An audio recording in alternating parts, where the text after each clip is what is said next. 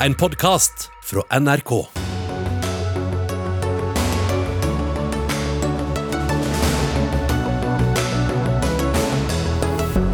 Byrådet i Bergen trekker seg etter vedtak i bystyret om at Bybanen skal legges i tunnel. Og der endte ti år med debatt. Det er verken overraskende eller sjokkerende at norske journalister ble arrestert i Qatar, ifølge fotballmagasinet Josimar.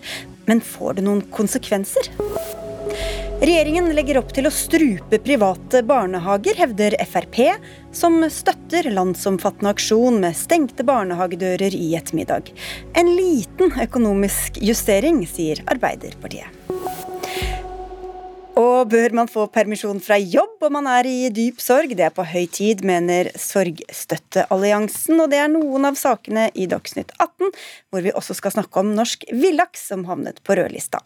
Mitt navn er Sigrid Solund. Byrådet i Bergen går altså av etter at det er flertall i bystyret for en halv time siden som stemte for at Bybanen skal gå i tunnel mellom sentrum og Åsane. Byrådet ønsket å legge Bybanen over Bryggen, men tapte altså avstemmingen rett før vår sending. Det er ti år siden saken ble fremmet første gang, så det er mye historie her, reporter Oddgeir Øystese. Hva skjedde i kveld som gjorde at byrådet nå velger å trekke seg? Det er jo så steile fronter. Den ene sida mener at uh, den andre sida sine forslag er vanskelig å gjennomføre. Dette tunnelforslaget som fagfolk har pekt på som dyrt, vanskelig og dårlig for de reisende, mens den andre sida mener det er uaktuelt å legge ei bane over Bryggen. Og Da tar byrådsleder, slik han forklarer det sjøl, Roger Vallamark, konsekvensen av dette. Han kan ikke gjennomføre flertallet sitt vedtak og da går han av. Det var litt overraska. Heller ikke opposisjonen hadde trodd det. Nå skal en eh, sette i gang med å finne ut hvem som skal styre byen videre. Ordfører eh, Rune Bakervik kan vel fra i morgen tidlig begynne det arbeidet, men alt tyder jo på at nå er det Høyre som tar over lederrollen i et nytt byråd. Hvor solid var dette flertallet, da? Knapt flertall. Det var tre røyste overvekt. og det, En hadde jo prøvd å få disse tre over på si side så lenge, men en ville altså ikke, ville altså ikke bytte side noen. En, en sto med partiene sine. Og Det var spennende helt til siste slutt, men når en skjønte hvordan det gikk etter at en uavhengig representant sto på tunnelsida. Så nå er det altså å greie ut dette nye tunnelforslaget, og så får en se. Men Høyre og Harald Viktor Hove når jeg snakket om han i går, garantert at nå blir det tunnel. nå når de har vedtatt det, selv om dette er altså et tunnelforslag som administrasjonen har sagt er de advart mot. Og noe som er blitt diskutert, som jeg allerede har nevnt et par ganger, altså i ti år. Og saken er også blitt kalt norgesrekord i beslutningsvegring. Oddgeir, hvordan er det blitt sånn? Ja, både Høyre og Arbeiderpartiet har jo snudd underveis her i denne saka. Eh, Høyre var for en eh, løsning i dagen, som en sier. Arbeiderpartiet var løsning i tunnel, så har begge to snudd underveis. Og en har jo utsatt bygging av Åsanebanen, og heller bygd mot Fyllingsdalen. Den banen er snart ferdig. Og da, Hvis en ikke skal miste kompetanse og framdrift, så må en fortsette å bygge. Og Når en ikke har et ferdig utgreia alternativ, så står det i fare. og Det er jo en av de tingene som en har advart mot. At her er det bare de som ikke vil ha noe bybane, som egentlig vinner. Så nå blir det altså opp til et nytt byråd å bevise at dette er en god løsning for Bergen. Takk skal du ha, reporter Oddgeir Øystese. Morten Myksvold, kommentator i Bergens Tidende, du er også med oss eh, fra Bergen. Eh, litt overraskende hørte vi her. Eh, var du overrasket over dette utfallet? Nei, Det gikk jo rykte i løpet av, av møtet om at, at, dette kom til å skje. og Det var jo òg for så vidt et naturlig utfall all den tid frontene har vært veldig steile. Eh, og så var det jo ikke sånn at opposisjonen bare gikk for fagetaten sitt tunnelforslag, som er 2,2 eh, milliarder dyrere og, har en høy risiko. De gikk for det Roger Valhammer kalte et enda verre forslag, et som er enda dyrere og som treffer enda færre passasjerer. Og da er det jo liksom et, en parlamentaristisk eh, styreform tilsier jo at byrådet skal gjøre det bystyret sier, helt til byrådet ikke gidder mer. Eh, og En kan ikke sitte som byrådsleder i Bergen og administrere noe en mener vil være for dyrt og for farlig å bygge. Spesielt etter at velgerne i forrige valg sa med ganske klar røst at nok er nok, bompengene skal ikke opp. Og så stemmer bl.a. Folkeaksjonen Nei til mer bompenger for et tunnelalternativ som er ganske dyrt. Det vil ikke Arbeiderpartiet og, og, og deres byrådskamerater ta støyten for. Så det, Akkurat det forstår jeg ganske godt at eh, kabinettspørsmålet kom. Det kunne kanskje påvirka debatten litt om eh, det hadde blitt gjort klart tidligere. Eh, at, eh, at, Arbeiderpartiet mente det, for det kom rett før voteringen. Eh, sånn at det fikk jo ikke noe utfall i, i, salen i dag. Men det er jo veldig viktig det, eh, for saken det Valhammer sa etter vedtaket var et faktum. At det er ikke sånn at han bare kommer til å gå på igjen som byrådsleder når, når eller hvis Høyre feiler å danne byråd. Han nekter faktisk å, å gå inn igjen som byrådsleder så lenge bystyret står på den løsningen. Og Da er det jo Høyre og Rødt og Folkeaksjonen etter med bompenger, Frp, en del uavhengige representanter og et splitta Senterparti som skal finansiere Bybanen til Åsane med denne tunnelen. og for så vidt danne eh, flertall for bybudsjett. og Rødt og Høyre ikke, eh, har ikke for vane å samarbeide om eh, eiendomsskatt og private innslag i velferden, for å si det sånn. Så jeg tror det blir vanskelig. Kan jo bli mange spennende saker her i Dagsnytt 18, da. Men hvorfor sa ikke Roger Valhammer tydeligere fra at han satte hardt mot hardt, da? Tror du at dersom det gikk for dette, så mista de også byrådet? Nei, det, det, forstår jeg ikke helt, at han venta så lenge med det. Fordi det var jo før møtet starta, så hadde vi jo hørt, og BTH skrev om at det var kreftig både KrF og Venstre eh, som ville forlate byrådet. Så Roger Valhammer ville jo uansett sitte igjen eh, eh med et enda mer svekka byråd eh, enn det han styr, har styrt fram til i dag. Eh, så i stedet for å bare la det ligge i luftet, så kunne han jo eh, vært tydeligere og gitt i hvert fall opposisjonen en sjanse i dag til å ta stilling til kabinettspørsmålet. Nå fikk de på en måte null tid. Og nå blir det altså opp til Høyre første omgang, men når om noen gang ser du for at det faktisk blir en forlengelse av Bybanen? Nei, det, denne saken har pågått i ti år. Eh, hvis det hadde blitt et vedtak om Bryggen i dag, så kunne kanskje traseen vært ferdig om ti år. Nå er det kanskje en tre, fire, fem års utsettelse for å utrede og planlegge tunnel i sentrum. Eh, gudene veit. da er det duket for mange flere bybanedebatter i Dagsnytt 18 i årene som kommer, og så får vi i første rekke de nærmeste dagene se hvem som overtar eh, makten. Takk skal du ha, Morten Myksvold i Bergenstidene.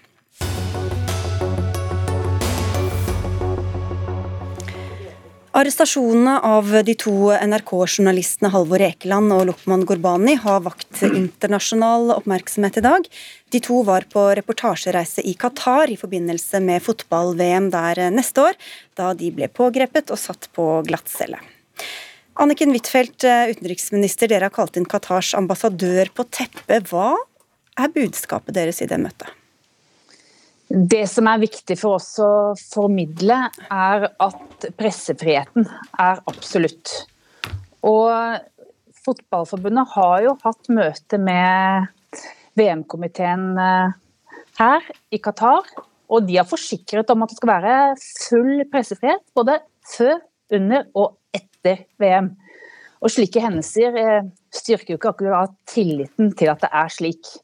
Slik at Vi har nå kalt inn ambassadøren til en samtale i Utenriksdepartementet. Og vi vil kreve at all utstyret til de to journalistene gis tilbake til dem. Og utover det, da? Hva skal til for at eh, dere mener at pressefriheten er god nok? Det er viktig for oss å få klarhet i hva som har skjedd, høre deres versjon så vil vi hele tiden i våre samtaler med myndighetene i Qatar understreke pressefrihet. Understreke at journalister skal jobbe uten innblanding fra myndighetene. Det disse to journalistene gjorde, var å se på arbeidsforhold, og det er jo nettopp dette som har vært eh, tema i en del internasjonalt medium. Jeg hadde også en telefonsamtale med utenriksministeren i Qatar i forrige uke. og Da understreket jeg nettopp menneskerettigheter. Og jeg understreket behovene for at arbeidsforholdene skal være gode. Du, du skal få løpe, Huitfeldt, men bare før du uh, springer. Hvilke konsekvenser kan denne arrestasjonen ha, tror du, for det diplomatiske samarbeidet mellom Qatar og Norge? Jeg vil avvente hva myndighetene i Qatar har som svar på denne hendelsen, som vi ser meget alvorlig på. Men det er klart at vi er fra norsk side opptatt av at journalister skal jobbe uhindret av innblanding fra myndighetene. Og det har også vært en viktig del av de samtalene vi har hatt på forhånd, at det skal være full pressefrihet. Takk skal du ha, Anniken Huitfeldt. Kringkastingssjef Tor Gjermund Eriksen, du har eh, snakka og fulgt opp eh, de to journalistene i dag. Hvordan står det til med dem aller først? Eh, nei, Først og fremst er vi jo veldig letta over at de er i Norge og har vært her på huset i dag. De er slitne. Har vært gjennom en, eh, noen tøffe dager, eh, men formen deres er, er god. Eh, god, altså, sett, sett, på bakgrunn av det de har vært gjennom. Men hva gjør NRK da, om noe, overfor myndighetene i Qatar? Nei, men jeg er jo veldig veldig glad for det utenriksministeren sier eh, nå. Og jeg har også lagt merke til at eh, Høyre-leder Erna Solberg i dag har vært veldig tydelig på dette. Eh, det at eh, utenriksministeren nå gjør det klart at dette er uakseptabelt. De krever at eh, NRK og de to journalistene må få utstyret tilbake. Dette er prinsipielt viktig. Og så kommer vi til å bruke våre samarbeidspartnere internasjonalt og EBU, altså European Broadcasting Union, for å understreke overfor qatarske myndigheter, men også Fifas ansvar Eh, for at dette store, det er verdens største idrettsarrangement, at det kan drives kritisk journalistikk i forbindelse med det. Men Qatar sier jo at disse journalistene filmet på privat eiendom uten tillatelse. Gjorde de det? Men jeg tror vi, sånne, sånne land som eh, dette, dessverre så bekrefter de med dette eh, at de er et land som ikke setter ytringsfrihet og presse, pressefrihet uh, høyt. fordi at dette er jo uh, For det første så er det vanskelig å forstå deres uh, kommunikasjon. De sier at de hadde lov til å filme overalt, og så sier de samtidig at de har filmet på privat grunn. På den private grunnen så spurte de eieren og, og henvendte seg helt åpent om de kunne få lov, og det fikk de tillatelse til, til der. Så, så um, dette er De to journalistene har opptrådt helt i tråd med det vi det vi eh, mener NRK-journalister ute på oppdrag skal gjøre. Høyre-leder Erna Solberg, du sitter nå i utenrikskomiteen på Stortinget. Dette dukker jo ikke opp av ingenting, men hva syns du om denne måten Qatar oppfører seg på?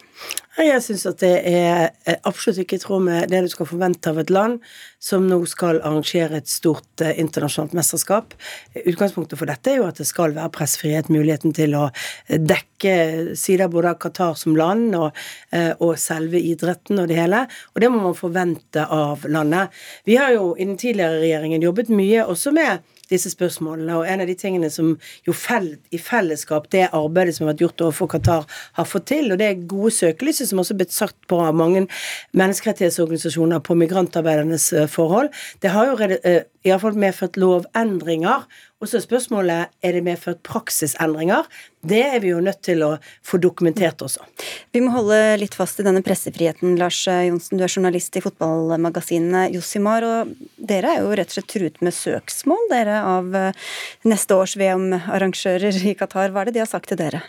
Eh, de eh, har krevd at vi skal fjerne deler av en artikkel vi skrev publisert 25.10 om Abdullah Ibaiz, altså en tidligere medarbeider i VM-komiteens medieavdeling, som ikke ønska å være med på å skape spinn, eller et narrativ, rundt en streik blant arbeiderne på VM-stadion i eh, Qatar.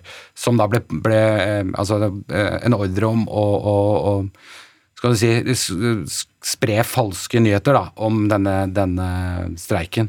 Og vi fortalte hans historie, og altså, han ble jo under falske anklager eh, dømt til fem års fengsel. Og ankesaken hans var jo eh, oppe i går, og det var jo han, det var han blant annet NRK var i, var i Qatar for å intervjue. Nå hører vi at eh, Anniken Huitfeldt følger opp diplomatisk. Erna Solberg sier at de har hatt dette høyt på agendaen. Men du sier at politikerne i all hovedsak har vært fraværende. Hvordan da? Jeg føler vel at uh, dette har vært et, uh, Den Qatar-debatten vi har hatt i Norge, har vært et grasrotopprør i fotballen, Uh, med veldig lite stemmer fra resten av offentligheten, med unntak av en del menneskerettsorganisasjoner. ja. Erna Solberg, jeg må minne om at du for ikke så lenge siden sa til VG at det var på tide å legge vekk debatten om boikott og heller heie på guttene. Nå er det jo ikke noe vits i å heie på dem eh, lenger. Kan vi, kan vi, da gå tilbake til debatten om boikott og menneskerettigheter? Eller? Eh, jeg sa aldri at vi ikke skulle diskutere menneskerettigheter. Tvert imot så sa jeg at vi skulle diskutere menneskerettigheter. Men, og det var jo respekten for fotballens eget demokrati, som har hatt en full runde på dette, som har hatt ekstraordinært møte for å behandle det. Og da bør vi flytte oss Jeg mener det er helt legitimt å, å kritisere menneskerettigheter i Qatar. Jeg mener vi skal fortsette å gjøre det. Men dere har ikke gjort det nok, sier Josimar her. Altså, vi har gjort det i form av at forrige utenriksministeren gjorde det. Jeg er glad for at uh, også dagens utenriksminister har fulgt opp det jeg har sagt før i dag også. At det er, uh, og jeg tror vi er ganske enige om det. Vi har også sett resultater av det arbeidet. Vi har kritisert i Menneskerettighetsrådet i FN. Vi har tatt opp disse sakene. Uh, og det er det viktig å si. Det er jo best å ta det opp der vi møter Qatars myndigheter. Eh, ikke der noen dekker det, men der vi møter Qatars myndigheter. Og det har vi altså gjort gjentatte ganger. Men det vi er avhengig av, er jo at pressen og eh, menneskerettighetsorganisasjoner og andre ser at de tingene Qatar sier, og de endringene de har gjort, bl.a. på denne migrasjonsarbeidersponsorloven, at det faktisk fungerer. For det vi vet fra disse systemene at, og fra disse landene, at det ikke nødvendigvis alltid er sånn at det man gjør av lovendringer, gjennomføres med praksis. Og utgangspunktet er jo at vi burde aldri ha hatt et VM i Qatar. Men det er litt lenge siden vedtaket ble fattet på. Og så må vi heller jobbe med utgangspunkt i dette om hvordan VM tildeles fremover, og sørge for at vi stiller veldig tydelige krav rundt dette. Og da lurer jeg på hva dere gjør, Gro Tvette Andersen. Du er direktør for kommunikasjon og samfunnskontakt i Norges Fotballforbund med denne saken. Eller i etterkant av denne saken. Ja, For det første så er det en totalt uakseptabel atferd overfor to journalister. Vi har vært veldig opptatt av og egentlig bekymra for ytringsfriheten underveis i denne debatten, og har adressert det i flere møter både med Fifa og i direkte møte med Supreme Committee i Qatar. Eh, så i dag så har vi gått ut og reagert veldig sterkt på det som har skjedd. Vi har eh, sendt eh, brev til Fifa hvor vi krever å få svar på hvorfor det har skjedd. Krever å få svar på hvorfor ikke det ble tilbudt advokater, og en rekke, en rekke ting vi må ha, ha, svar på. Og ikke minst at vi må ha en forsikring fra Fifa at det skal være full både ytringsfrihet og bevegelsesfrihet for å kunne dekke det som skjer. Og så er jeg veldig glad for Men Hvis det ikke skjer i praksis, da? Hva gjør dere da? Ja, utfordringen vår er jo at jeg tror det er nesten ingen andre forbund som har gjort like mye som Norges Fotballforbund. Eh, og jeg tror vi kan si helt fra så den saken blussa opp, takket være eh, modige klubbrepresentanter og supportere, så vil jeg si at um, det er vel knapt noen andre land eller forbund som har diskutert saken så mye, og som har gjort så mye. Eh, vi så at f.eks. nasjoner som Nederland, eh, Tyskland var med på markeringer i våres, men så har det blitt ganske stille. Så jeg håper at denne debatten kan føre til at flere engasjerer seg. Både, eh, både norske politikere som vi hører rundt bordet her, NRK som vi, som vi hører, media, men også norsk næringsliv som har vært til stede i Qatar i over 50 år, for å bidra til at endringene som er innført, faktisk også blir implementert på bakken. Hva mer kan man egentlig gjøre, Johnsen? ja, hva mer kan man egentlig gjøre? Uh, altså For NFFs del, uh, nå er boikottspørsmålet Jeg er vel litt uenig med Solberg om hvor grundig den prosessen var, uh, det, vedtaket man kom fram til i Fotball-Norge, med en del press mot breddeklubber osv. Om, om vi hadde kjent det, hadde man kanskje ikke brukt de ordene. men det NFF i hvert fall må gjøre, er å slutte å sende brev til Fifa, men å samle en sterk koalisjon starte med Norden. Vi har jo bl.a. Eh, fotballpresidenten i Sverige og Danmark som er sterke personligheter internasjonalt, men samle også utover det til, uh, til å markere seg på en helt annen måte eh, enn de har gjort til nå. Denne, og du må innrømme egentlig overfor grasrota i, i, norsk fotball at denne dialoglinja, den førte ikke fram. Jeg lurer egentlig på hva som er alternativet, for vi vet jo ikke hva som ville skjedd hvis vi hadde vedtatt en boikott. Og jeg tror at det å sitte stille, det er heller ikke et alternativ. Jeg vil si at 75% av delegatene på fotballtinget de la seg på samme linje som norsk utenrikspolitikk, påvirkning gjennom dialog. Eh, og så er jeg helt enig i at vi må få med flere. Men hvordan allerede... har det fungert da, syns du, til nå, når vi får en ny rapport forrige uke vel, som sa at ikke menneskerettighetene var blitt vesentlig bedre? Ja, På den ene sida kan du si at dialoglinja ikke har nok effekt, men vi vet at vi har trykka hardt på, på, Fifa. Men jeg vil si at vi har, har vært kanskje litt aleine, og at vi trenger flere som, som, eh, som, eh, som bidrar i, i, den debatten. Både forbund, men også eh, at flere utenlandske medieredaksjoner blir med, at flere utenlandske politikere trykker på, men også at næringslivet blir med å trykke på og sørge for at de eh, lovendringene som er vedtatt i Qatar, blir implementert. Vi er ikke kvalifisert engang. Jeg vet ikke hvem som bryr seg om hva, hva de ville gjort engang. Uh, nei, altså det som uh, det er jo sjokkerende det eh, NRK-journalister har opplevd. Men vi er vel ikke sjokkert eller overraska over at det skjer. Det er jo ikke første gang. Vi har eh, journalister fra danske, medier, vi har BBC-journalister, vi har den saken med Malcolm Bidali, denne kenyanske bloggeren som ble bortført og fengsla i mai, mens NFF var i, midt, i sluttfasen med, Eller Qatar-utvalget, det NFF nedsatte Qatar-utvalget, var i sluttfasen med sin rapport. Han ble borte i vel en måned, ingen visste hvor han var. Vi har den saken som jeg nevnte innledningsvis med Abdullah Ibaiz, som, som var en sterk stemme innad, som altså blir kasta i fengsel, eller blir dømt til fengsel over fem år. Dette er jo sånn, for å bruke kringkastingssjefens ord, sånn som skjer i sånne land. Det er det jeg ikke helt skjønner. Vi har visst Det kommer jo bare sånne nye rapporter og beretninger. Det har kommet i ti år. Og så skal vi fortsette å tro på dialog som Qatar-utvalgets rapport legger til grunn. Tor Gjermund Eriksen, tør du å sende dine folk ned dit? Framover? Eh, det håper jeg virkelig. Eh, nå, nå får vi legge den eh, dagen, bak oss og vurdere situasjonen. Men det er jo nettopp den frykten for at dette skal ha en nedkjølende effekt som er det alvorlige i dette. Er det sånn at vi blir mindre modige? Blir journalister, medier, mindre modige? Dette var jo et direkte, Denne turen var et direkte svar på at vi både skal bringe idretten mm. fra dette VM-et, men vi skal også fortelle historiene og dekke det samfunnet og utfordringene det har. Og dagen i dag er jo full av et par eh, store tankekors, etter min mening. Eh, denne dagen setter jo veldig søkelyset på manglende ytringsfrihet og pressfrihet i Qatar. Det er det gode med saken. Eh, et annet tankekors er jo at når utenlandske journalister som har et helt apparat, en regjering og et land bak seg, blir behandlet på den måten, så kan vi jo være enda mer bekymra for hvordan eh, lokale f.eks. menneskerettighetsaktivister blir, blir behandlet. Men summen av det er at ingen får det bedre, tror jeg, hvis vi ikke er til stede og observerer og forteller historiene. Og din kollega er vel på vei dit, om han ikke har, han har landet Han er eh, på fly til Doha uh, as we speak. Og hva skal han gjøre der? Skal drive journalistikk. Men uh, Vi forventer krevende arbeidsforhold, men skal utøve journalistikk sånn som vi alltid gjør. Hvor, hvor overraska er du, Erna Solberg, da, over det som har skjedd? Eh, Jeg er overrasket over at de har arrestert to journalister fra NRK som ut ifra det som vi vet om den saken, har gjort helt vanlig journalistisk arbeid og hadde fått tillatelse til å drive det eh, fra myndighetene. Derfor er det jo viktig at myndighetene også finner ut hvorfor altså er det initiert, eller er det noen overivrige, eller hva er det? sant, altså Hvor langt ned klarer de å sende disse beskjedene sine om at de skal ha det? For dette er jo ingen gevinst for Qatar i dette heller. Sant? Det er det motsatte som skjer.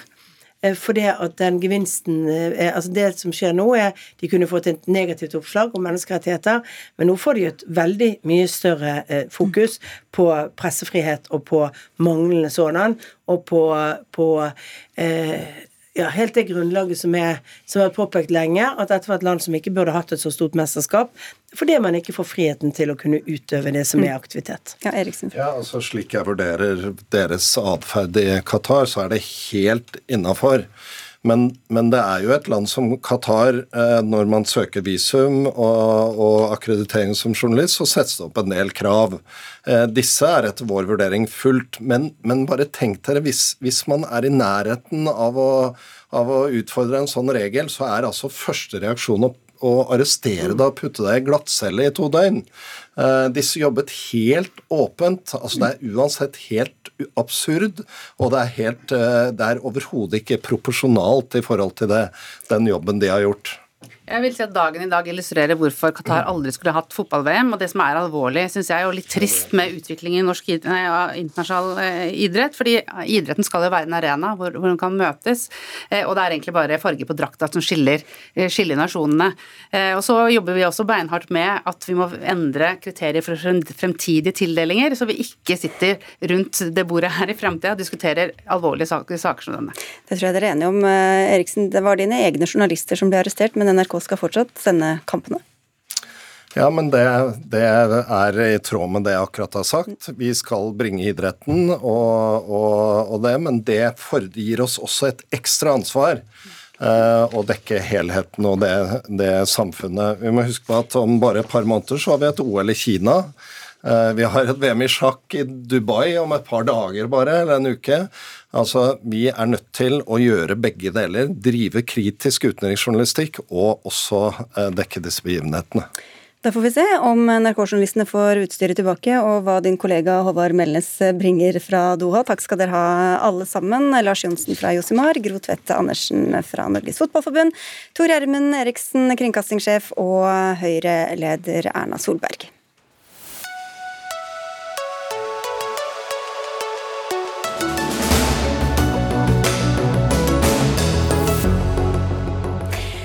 Mot slutten av denne Dagsnytt 18-sendinga spør vi om vi bør få en egen sorgmelding når noen nær oss dør, men før det til et tema som faktisk skaper sorg hos mange nordmenn. Villaks, villrein, gråmåke, piggsvin og ramsløk. De er bare noen av mange nye arter som nå har havna på rødlista. Den gir en oversikt over arter i Norge som er utdøende, truede eller som i nær truede, ja, eller som i nær framtid kan bli truet. Og I dag kom den nye lista. Sist eh, den ble revidert, var i 2015. Snorre Henriksen, du er seniorrådgiver for rødlister for arter og naturtyper. Hvor mange og hvilke arter er det som havna på lista denne gangen? Ja, eh, Det er over 5000 arter på rødlista. Og i hovedsak arter som er i tilbakegang. da. Eh, stort sett pga. menneskelig påvirkning, sånn som arealinngrep, skogbruk osv. Hvor mange nye er det som har kommet hit, da? Det er litt over 300 som er på Rødstad for første gang. 333. Og så var det nesten like mange som gikk ut av rødlista. Og det er liksom blanda årsak til at de går inn og ut av rødlista. Delvis ny kunnskap og delvis en reell forverring eller forbedring av situasjonen.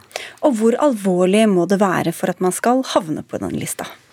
Terskelen er relativt høy. da. Eh, vi snakker om mer enn 15 eh, tilbakegang for vanlige arter over en periode på 30 år, f.eks., som er vurderingsperioden for eh, mange arter. Men det kan òg være rett og slett sjeldne arter, fåtallige arter, som er i svak tilbakegang. Du sa menneskelig atferd som er hovedårsaken til at, disse, til at de blir utryddet. Hva slags, hva atferd tenker du på da?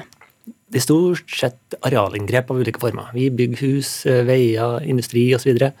Um, litt landbruk og en god del skogbruk, eh, som er de største driverne og faktorene for at arter går tilbake og havner på rødlista. Og så kommer jo klimaendringene i tillegg til dette. Hvordan er samvirkningen mellom menneskelig aktivitet og de endringene vi har i klimaet? For enkelte arter så kommer klimaendringer på toppen av alt annet og gjør situasjonen enda verre. Eh, for en god del fjellevende arter spesielt, da, som egentlig har hatt det veldig bra til nå. Eh, fjellet er jo stort sett verna i Norge, lite inngrep. Så, men der er klimaendringene eneste og ofte hovedårsaken til at artene går tilbake. Der ser vi en dramatisk endring fra forrige gang. Så røftlig to og en halv gang så mange arter som blir trua denne gangen delvis pga. klimaendringer. Men så sa du at det er noen som kommer ut av lista, og da betyr det at det går bedre, eller er de da dødd ut? Eh, da går det gjerne bedre, ja. ja. Og hvilke, hva slags arter kan det være? Eh, rypa, f.eks. lirype, fjellrype, gikk ut denne gangen. Eh, det er fordi nedgangen har stoppa opp. da. Og når nedgangen stopper opp, så er det ikke lenger noe stor risiko for at de skal dø ut. Men det finnes òg arter som har hatt en reell forbedring, sånn som oter, som har gått ut av rødlista fordi den har blitt litt vanligere og klart å spre seg til gamle områder der den fantes før, sånn som Hordaland. Og så har villaksen havna på denne lista. Hvorfor har den det? Det er pga. at vi har hatt en langvarig tilbakegang i bestanden. Antall eh, laks eh, som kommer inn til norske elver, har gått ned ganske betydelig over lang tid. 20-25% ehm, siste 15-18 år. Og det er en utvikling som har pågått i lang tid. da. Og det skal vi diskutere her nå, men bare mens jeg har det her, eh, laksenæringen selv har jo sådd tvil om disse tallene. Er det grunn til det? Vi har et veldig godt kunnskapsgrunnlag eh, for laks. Um, det kom senest i går en ny rapport fra Vitenskapsrådet for eh, lakseforvaltning. Så det er vel få arter i Norge vi vet mer om enn laks, vil jeg påstå. Da skal vi bytte ut en Henriksen med en annen. Takk skal du ha, Snorre Henriksen. Da går vi til deg, Jostein Henriksen. Du er skribent og redaktør i nettavisen Oppstrøms, og har skrevet en ytring på nrk.no hvor du skriver at dette ikke er til å tro. Hva er det som er så hårreisende med dette? Altså, først og fremst er det jo det at laksen er et um, ikonisk norsk dyr, som veldig mange har et forhold til. Som vi skriver, så er den liksom, den er avbildet på helleristninger i Alta. Den er norsk husmannskost opp gjennom mange hundre år. Det er uh, en livsstil og en kultur for veldig mange. Så det er, jo på en måte laksen og elgen som uh, kanskje er de to sånn ordentlige norske dyrene vi har. Så det er litt sånn rart at uh, i et av verdens aller rikeste land at et av de, et, et, dyr som er så sentralt, skal havne på en, en, sånn liste. Og da er du kritisk både til oppdrettsnæringa og til naturforvaltningen. Vi kommer til den først, men til opp, eller sist eller snart. Men oppdrettsnæringa, hva har den gjort galt, mener du? Nei, altså, vi, vet jo, vi vet jo helt siden eh, Bondevik II-regjeringa sendte den, en sånn stortingsproposisjon i 2002 vel, til, til Stortinget i forbindelse med opprettelse av de nasjonale lakseelvene og laksefjordene så identifiserte de lus og rømminger som de to store truslene. Um, og dette har på en måte Vitenskapsrådet, som Snorre snakka om, uh, gjentatt siden 2009, det, da den første rapporten deres kom ut. Det har vært gjentatt hvert eneste år um, siden da. Og de siste ti årene så rømmer de i snitt 160 000 tamlaks i året. Det fins 500 000 uh, Gytebestanden av villaks er på 500 000. Eh, så, så, så, problemene er bare ikke løst. Og nå og luseproblematikken er heller ikke løst. Snarere tvert imot. Ja, Lus og rømning det er vel eh, på si deres område, Randi Grøntvedt. Du er eh, regionsjef. Dere får ta på dere øreklokkene, dere andre her. Havbruk midt i Sjømat Norge. Hva sier det om din næring når da villaksen potensielt er truet? Det er klart, vi tar, eh, vi tar situasjonen på, på alvor. Eh, og jeg vil jo absolutt legge, til, eh, legge til at vi gjør mye for å også verne villaksen. Men, men, det jeg har litt lyst til å, å, å, ta litt tak i her, som også ble sagt, var at vi sår tvil om, om den rødlisten. og det som, det som, det må være lov å stille spørsmål om, er jo at her blir det gjort en, en, en, en vurdering på en langvarig tilbakegang. Og da, da syns vi det må være grunn til å spørre spør om hvorfor er det da ikke tatt hensyn til den trenden som nå er de ti siste årene, som viser at du har en markant bedring i situasjonen, og at forvaltningsmål de to siste årene faktisk er oppnådd for 92% av bestandene i Norge. Ok, vi kan, Så, ja, vi, vi kan, jo høre med Snorre Henrik om han føler seg komfortabel med å kommentere akkurat det der. da. Ja, det kan jeg godt eh, kommentere på. Um, ja. Vi gjør jo en vurdering basert på en metodikk som er utvikla av IUCN, som sier at vi skal vurdere nedgang over en periode IUCN, hva er det? IUCN, ja. ja. Den internasjonale naturvernunion. Okay. Så de har utvikla en metodikk um, som uh, brukes globalt og av veldig mange andre land, inklusiv Sverige og Finland f.eks. Og Hele formålet med den metodikken det er at vi skal ha objektive og etterprøvbare vurderinger basert på et kvantitativt kriteriesett. Så det er den metodikken at vi vurderer over en periode på tre generasjoner, som er 15-18 år for laks. Men har det da gått bedre de siste ti årene? Kan man si det?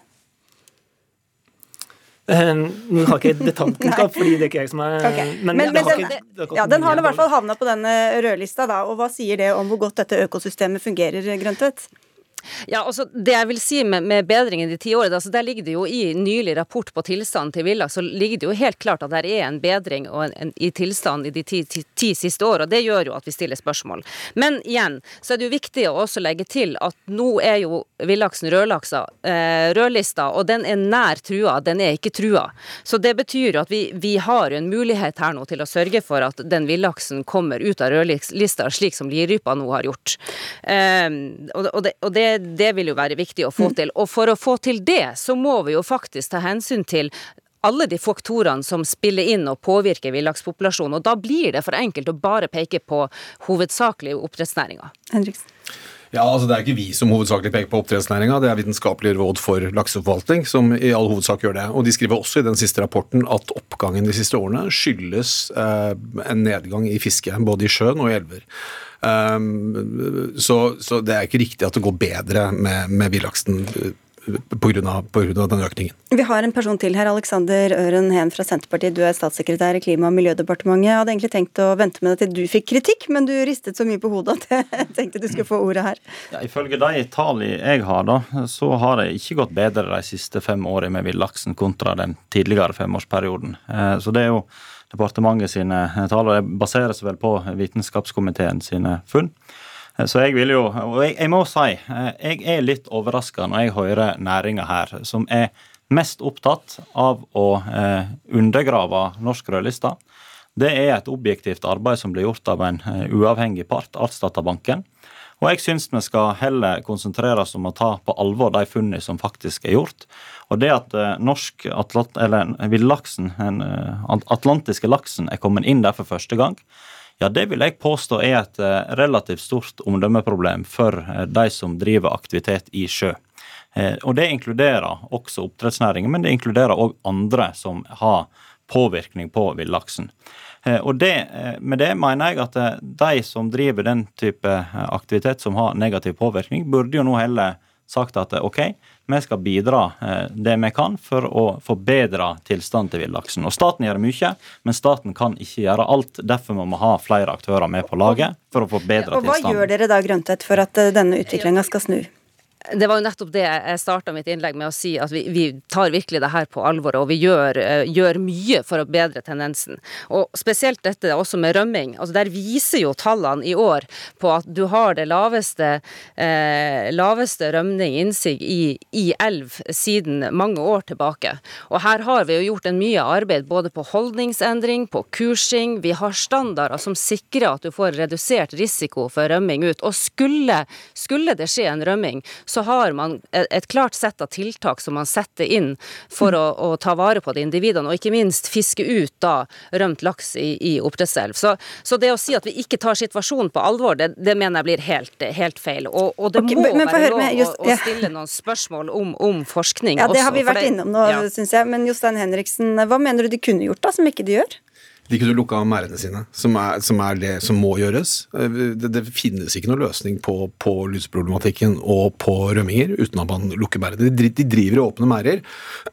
Altså de, så, sånn at laksene klarer å rømme mye lettere? Ja, altså hvor du har gjennomstrømning av vann. sånn at du, Da får du lus inn. Uh, uh, uh, og enorme oppblomstringer av lus, da, som er mm. problemet. En tredjedel av all laksen som svømmer ut av, av, av norske elver, Eh, dør i enkelte områder fordi de blir, fordi de blir tatt av lakselus. Så er det, jeg vil si at det, altså Hvor alvorlig eller ikke Sjømat Norge tar dette her, det er klart at de har ikke tatt alvorlig nok. da. Fordi i dag så har vi på en måte fått fasitsvaret. I dag står laksen på rødlista, og det er ikke godt nok. Um, og det gjelder jo også forvaltninga. At eh, nå har både forvaltninga og næringa har sagt nå i 20 år at dette tar vi på alvor, dette skal vi løse. Og i dag så har vi fått fasitsvaret. Laksen har havna på rødlista. Og det er derfor vi oppfordrer til en boikott nå av norsk oppdrettslaks. Vi, vi, nå er vi nødt til å altså, bruke ikke spis det til forbrukerne? Ikke, ikke, kjøpe det. De som bryr seg om laksen nå, de må bruke den lille makta de har som forbrukere, eh, og, og ikke, spi, ikke legge spis norsk laks. Hva sier du til det, Hen? Nei, Jeg vet ikke om boikott er et egnet virkemiddel sånn sett. Eh, altså, laks er viktig eh, for Norge. Men, så av økonomiske årsaker så bør vi spise, fortsette å spise den? Jo, men, men jeg, jeg, er usikker på effekten av en sånn boikott, for det meste går jo tross alt til eksport. Men, eh, så det er jo én ting. Okay, men, men, ligge, men, bare for å si det, I 20 år har, har vi sett dette, sier eh, Henriksen her, men mm. i enda lengre tid har vel også blitt advart mot en altfor raskt voksende eh, industri i, som mer eller mindre har fått gjøre som den vil. Eh, nå er industrien sikkert ikke enig i det, men det er i hvert fall det noen kritikere mener. Eh, og det kan du ikke bare skyve på den forrige regjeringa for. Nei, og det, det gjør jeg ikke heller. Eh, denne regjeringen tar den situasjonen som er i nå, veldig alvorlig. Laks er en av våre ansvarsarter. Vi har i vår politiske plattform eh, sagt at vi skal forbedre det trafikklyssystemet som er innført. Altså en gir eh, enten gul, rød eller grønn eh, i områder av landet på om en får utvida aktiviteten eller om en må ta noe ned. Og Vi har sagt vi vil ha flere indikatorer inn i den ordningen for å gjøre det mer treffsikkert. Det tror jeg er et riktig tiltak. Og Så må det nok flere tiltak til på sikt, og det håper jeg næringen vil være med på òg.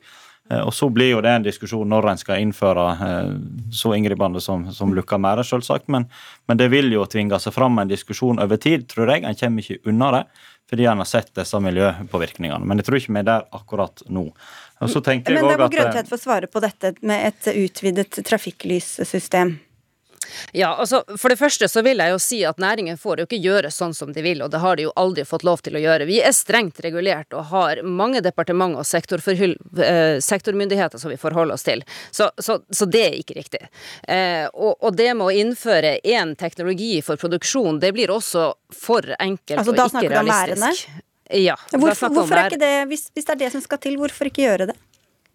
Eh, det er nok ikke det som skal til. Eh, og det som er det at lukkede enheter og produksjon på land, det, er jo en teknologi som er under utvikling, og som tas i bruk i mye, mer og mer grad. Og det vi ikke må glemme, er jo at vi har et fantastisk fortrinn eh, og et potensial i vår kyst men som er mangfoldig. Og skal vi klare å utnytte det mangfoldet, så må vi ha mange ulike teknologier, deriblant lukka enheter, og teknologi som gjør at vi kan komme oss lenger ut til havet, og vi kan ta i bruk kysten på en miljøvennlig måte.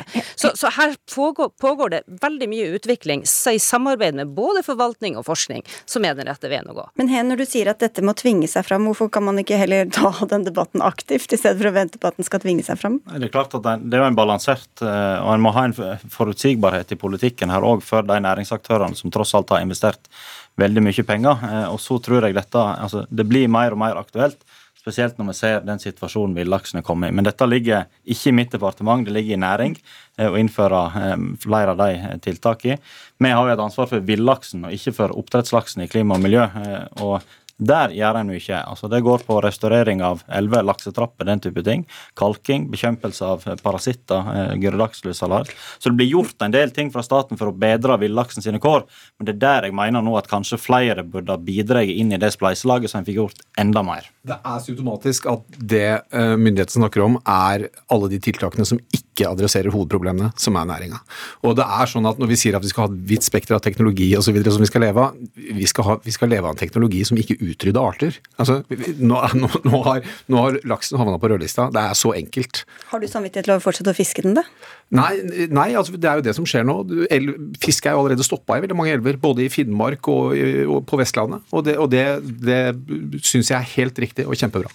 Jeg tror vi skal ta deg tilbake en dag snart, ja, igjen, så kan vi snakke om alle de andre artene som også er på den lista, hva dere gjør for å bevare, ja, bevare dem. Så sier vi tusen takk til dere alle i denne omgang. Alexander Øren Hen fra Klima- og miljødepartementet, Randi Grøntvedt, regionsjef Havbruk Midt i Sjømat Norge, Jostein Henriksen fra nettavisa Oppstrøms og Snorre Henriksen, som er seniorrådgiver ved rødlister for arter og naturtyper.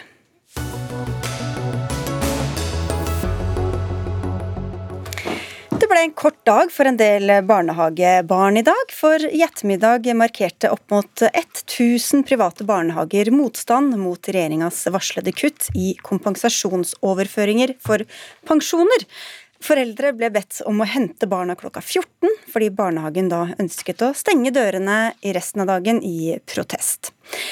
Elise Vågen, du er stortingsrepresentant for Arbeiderpartiet, andre nestleder i utdannings- og forskningskomiteen på Stortinget, og dere er ikke så begeistret for denne aksjonsformen. Hva er det som er galt med den? Nei, altså Jeg diskuterer gjerne finansieringsordningen til private barnehager, men jeg mener jo at denne aksjonsformen den er ugrei, for den setter barn og foreldre i en vanskelig situasjon. Så har jo også PBL sagt selv at altså Private Barnehagers Landsforbund? Eh, som har vært initiativtaker til denne aksjonen, at dette er jo egentlig en brudd på avtalen mellom foreldrene og barnehagen. Så det gjør at det er mange foreldre nå som har stått i en vanskelig situasjon da, på veldig kort tid, eh, og som kanskje ikke helt eh, ser hvorfor man skal dras inn i en politisk debatt. For vi møter gjerne barnehagene og tar gjerne den diskusjonen med de private barnehagene, men jeg tenker at man ikke bør skyve barn og foreldre foran seg. Det ble tidlig henting på dere i dag, Frp-leder Sylvi Listhaug, men du er like glad, for du syns eh, budskapet i markeringen var greit? Ja, jeg syns det var absolutt på sin plass. Eh, private barnehager gjør en fantastisk jobb, og jeg tror også er mange foreldre som er sjeleglade for at vi har dette tilbudet. Som ofte er litt annerledes enn de offentlige barnehagene, og vi ser også at de scorer veldig bra. Mm. Men, men, hvorfor skal foreldre og barn brukes politisk, enten foreldrene er enige i saken eller ikke? Jeg mener det at vi må støtte opp om disse private barnehager. Vi ser at det nesten halvparten nå sier at de kan gå mot et underskudd i år. For mange så vil det forslaget som ligger nå fra Arbeiderpartiet om å kutte kraftig i støtta kunne bety et dødsstøt for disse barnehagene. Og husk på at hvert år så sparer disse barnehagene oss for to milliard kroner. De drives billigere, mer effektivt. Foreldre og barn er mer fornøyd. De har rett og slett bidratt til disse som har etablert disse barnehagene, at vi har full barnehagedekning i Norge. Og så har de bidratt til det, og takka er da at Arbeiderpartiet nå skal prøve å jeg skulle si underfinansiere dem, slik at mange av disse kan gå tapt. Og Det syns jeg er veldig veldig synd. Ideologi foran tilbudet til barn og foreldre. Ja, Vågen, Hvordan vet dere at dette ikke kommer til å gå utover barna? Nei, altså Her bommer jo Sylvi helt på hva som faktisk er, eh, er, fakta der ute. Jeg har selv en datter i en privat barnehage og er eh, veldig glad i den barnehagen og vet at det er mange, mange dyktige ansatte og mange som er glad i barnehagen sin, uansett om den er privat eller om den er offentlig. Men det dette handler konkret om, er jo om man skal overfinansiere pensjon i private barnehager. Og der vet vi svart på hvitt at den er overfinansiert med 1 milliard kroner. Og det vi gjør nå, er at vi heller tar det ned for at vi faktisk skal dekke de faktiske pensjonsutgiftene som de private barnehagene har. Og det gjør vi jo da for at vi kan bruke disse pengene i stedet på å gi billigere barnehager, vi kutter i maktprisen, og vi kan gi et bedre barnehagetilbud i andre enden. For Det som er viktig for oss, er jo at tilskuddet til barnehagene skal gå til kvalitet og innhold, og ikke i lomma på private. Og da trenger vi et annet system. For Sylvi Listhaug, denne milliarden, det er vel også beregninger gjort av Telemarksforskning som viser det, altså at, det over, eh, at pensjonene blir overfinansiert med en milliard. Og du er jo ellers veldig opptatt av at det offentlige ikke skal bruke mer penger enn nødvendig, så hvorfor ikke akkurat her? Altså Det offentlige bruker to milliard kroner mindre på de private barnehagene, som man sparer hvert eneste år. Ja, men Er det en eh, grunn til at man skal overfinansiere man gjør ikke det. pensjonene? Vi, vi, hører jo hva de private barnehagene sier. Jeg møtte Anita Gaustad, som driver Solbakken barnehage i Trondheim. Anette Hovda, som hadde, har småfolk barnehage i Etne. Begge de sier at det forslaget som nå ligger fra Arbeiderpartiet, kan bety at de må legge ned driften. Eller det det i realiteten betyr, at norske kommuner da skal kjøpe opp de private barnehagene bruke titalls milliard kroner på det, og så bruke mer penger på å drifte barnehagene. Jo, men fortell, Forklar hvordan dette henger sammen. Hvis beløpet er for høyt, Hvorfor skal de da fortsette å få det? Hvor, hvorfor sier du da at de er underfinansiert? Det er ikke for høyt. Det er totalen vi må se på. og Når nesten halvparten av barnehagene kommer til å gå med underskudd, så vet alle som driver en bedrift, at hvis du driver en bedrift, så kan ikke du drive med røde tall. Da går du konkurs, og så må du legge ned. Altså, så det er på en måte i feil kolonne, da? Altså De burde vært hett noe annet enn pensjonsutgifter? Ja, altså det er jo totalen for de som mm. betyr noe. og Det de sier, vi, de har veldig lite å spare på, for det er jo regulert hvor mange ansatte du skal ha per barn barn, det er krav til areal og uteområder, det er krav til alt mulig. Og det som da skjer, er at til slutt så er det ikke noe mer å spare på, og de må legge ned drifta. Og det er derfor Arbeiderpartiet dessverre er på jakt etter de private barnehagene, istedenfor å sikre at de nå kan drive. Og jeg tror faktisk mer på de som driver disse barnehagene, damer som har holdt på i hele sitt liv innenfor denne sektoren, enn en eh, Arbeiderpartiet. Okay, for Vågen, de, de, private sier jo gjerne selv at ja, ok, vi kan kutte på pensjonsoverføringene hvis vi blir kompensert på, på annet vis, men det gjør dere jo ikke. Altså, Det som er svart på hvitt her, som også regjeringen som Sylvi Listhaug selv satt i, som satte ned utvalg for å gå gjennom finansieringa, dem sier at 1 milliard kroner mer enn det man skal få, egentlig har rett på, bruker man på pensjonstilskudd. I andre enden så vet vi også at det er store kjeder der ute som tar ut stort utbytte. Og vårt viktigste oppgave da er jo å sørge for at det foreldre betaler inn, og det vi betaler inn i skattepenger, at det kommer barna til gode. Jo, men hvis, de får, hvis de får, for, lite på andre områder, men at dette bare altså, burde hett noe annet, da, for å si det sånn. Men når vi ikke vet hvor disse milliardene ender, så kan vi jo ikke beholde beholde et skakkjørt system, hvor vi vet at i 2019 så ble tatt ut 1 milliard kroner fra private barnehager som gikk i lomma på private eiere. Da må vi ha et system som vi vet hvor pengene havner. Og nettopp derfor så trenger vi å endre systemene, som vi vet at pengene går til kvalitet, at det går til barna og ikke går i lomma på private. Og dette gjelder kanskje ikke de du har besøkt, Sylvi Listhaug, men ifølge disse tallene her, de kommer fra SSB i går, 1,1 eh, milliarder kroner altså til sammen eh, i overskudd for private barnehager. Hvorfor skal skattebetalerne sponse private barnehagers overskudd? Nei, altså Nå sier jo Storberget-utvalget, som er ledet av en, til en eh, partikollega her, at det tas ikke mye utbytte i barnehager eh, som er aksjeselskap eh, og konsern.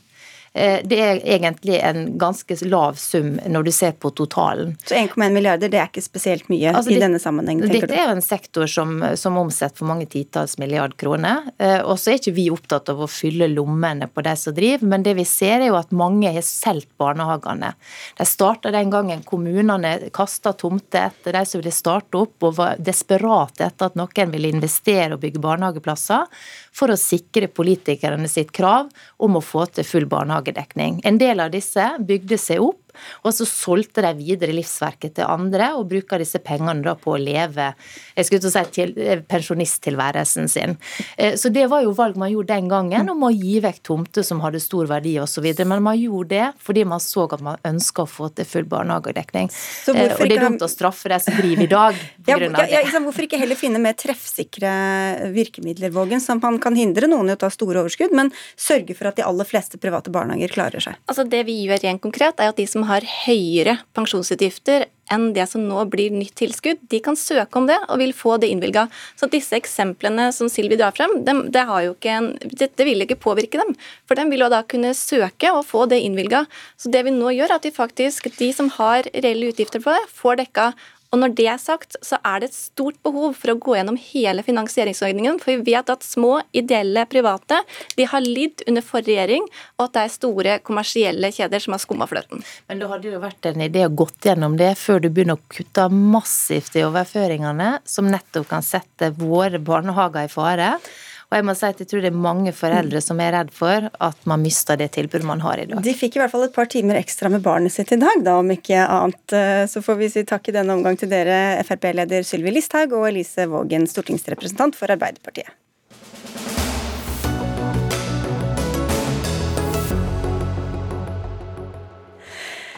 Du er i stor sorg over tapet av et barn eller en ektefelle, men er du syk?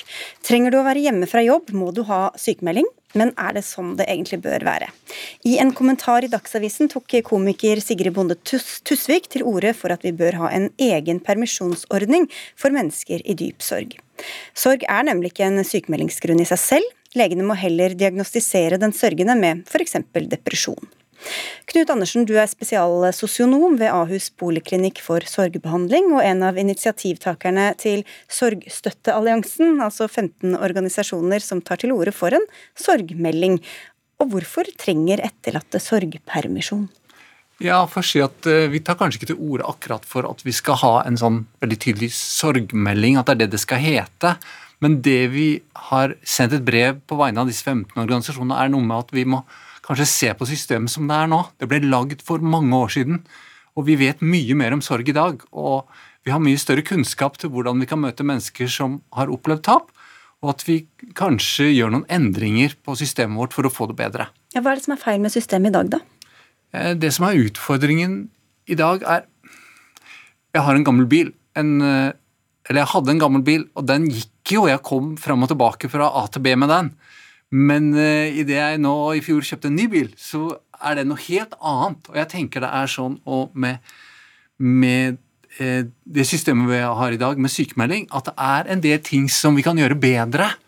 Um, jeg tror nok det fungerer på et sikt et sett, men vi kan gjøre ting enda bedre. Altså. Men sånn som det er i dag, så må altså fastlegene si du feiler et eller annet hvis du er for dyp, i dyp sorg til å gå på jobb, i stedet for å si at du, du klarer ikke å gå på jobb fordi du sørger, rett og slett. Det er helt riktig. Sånn som systemet er i dag, så Og som sagt, det er jo bygd på lang tid, og det er lenge siden dette ble satt i verk, men så er det sånn at den Eh, sykemeldingsveilederen sånn som man er i dag, den sier jo at vi har ikke lov til å, legene har ikke lov å sykemelde pga. sorg.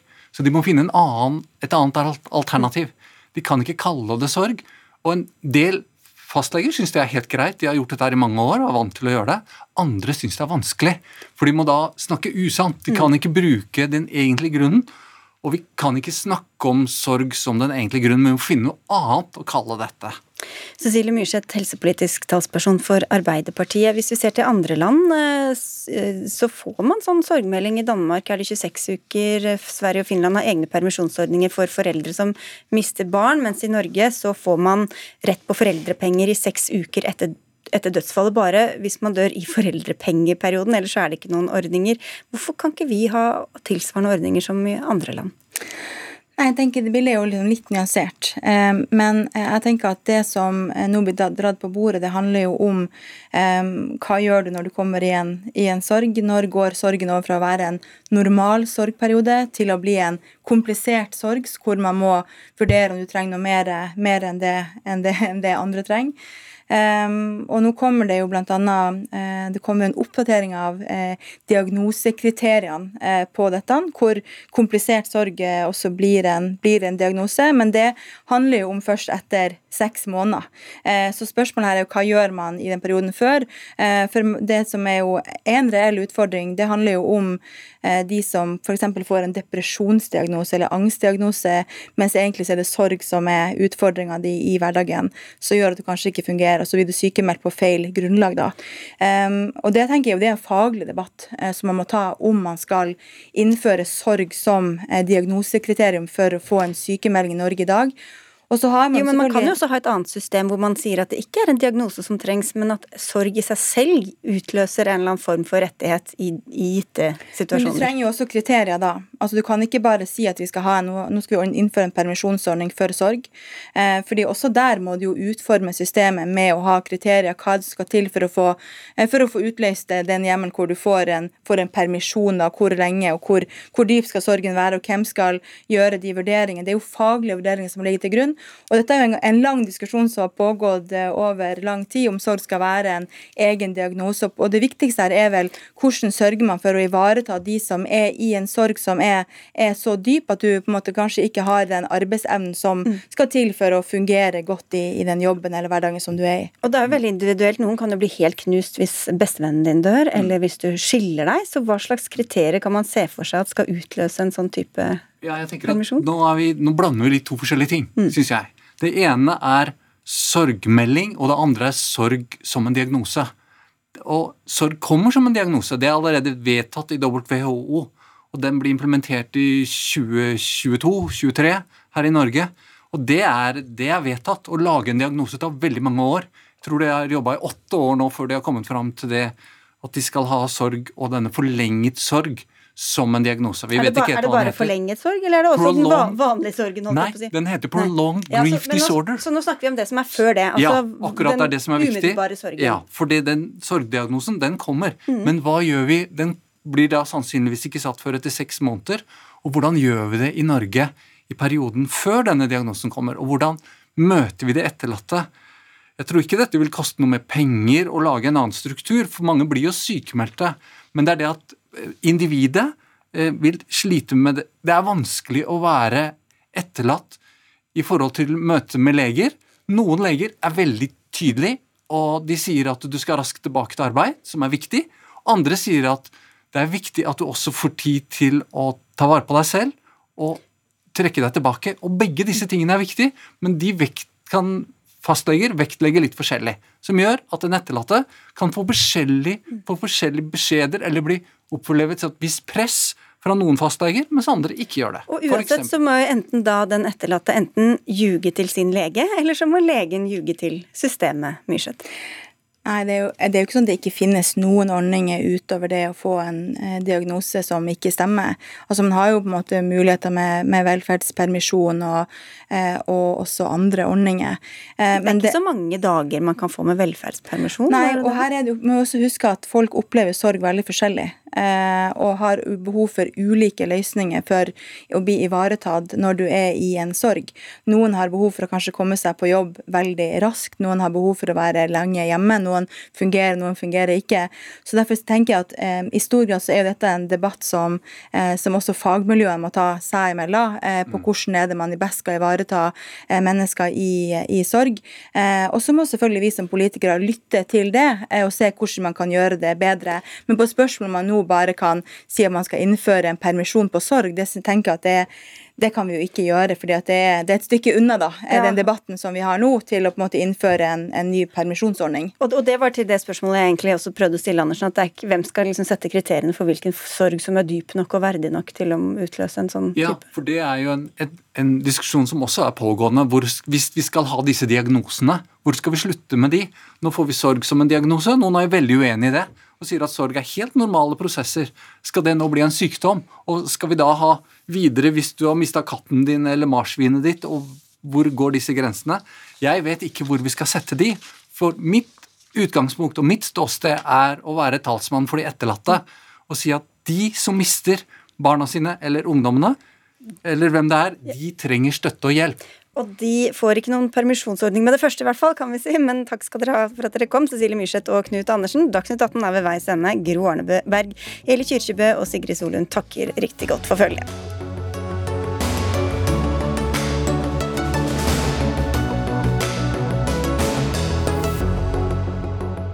Du har hørt en podkast fra NRK. Hør flere podkaster og din favorittkanal i appen NRK Radio.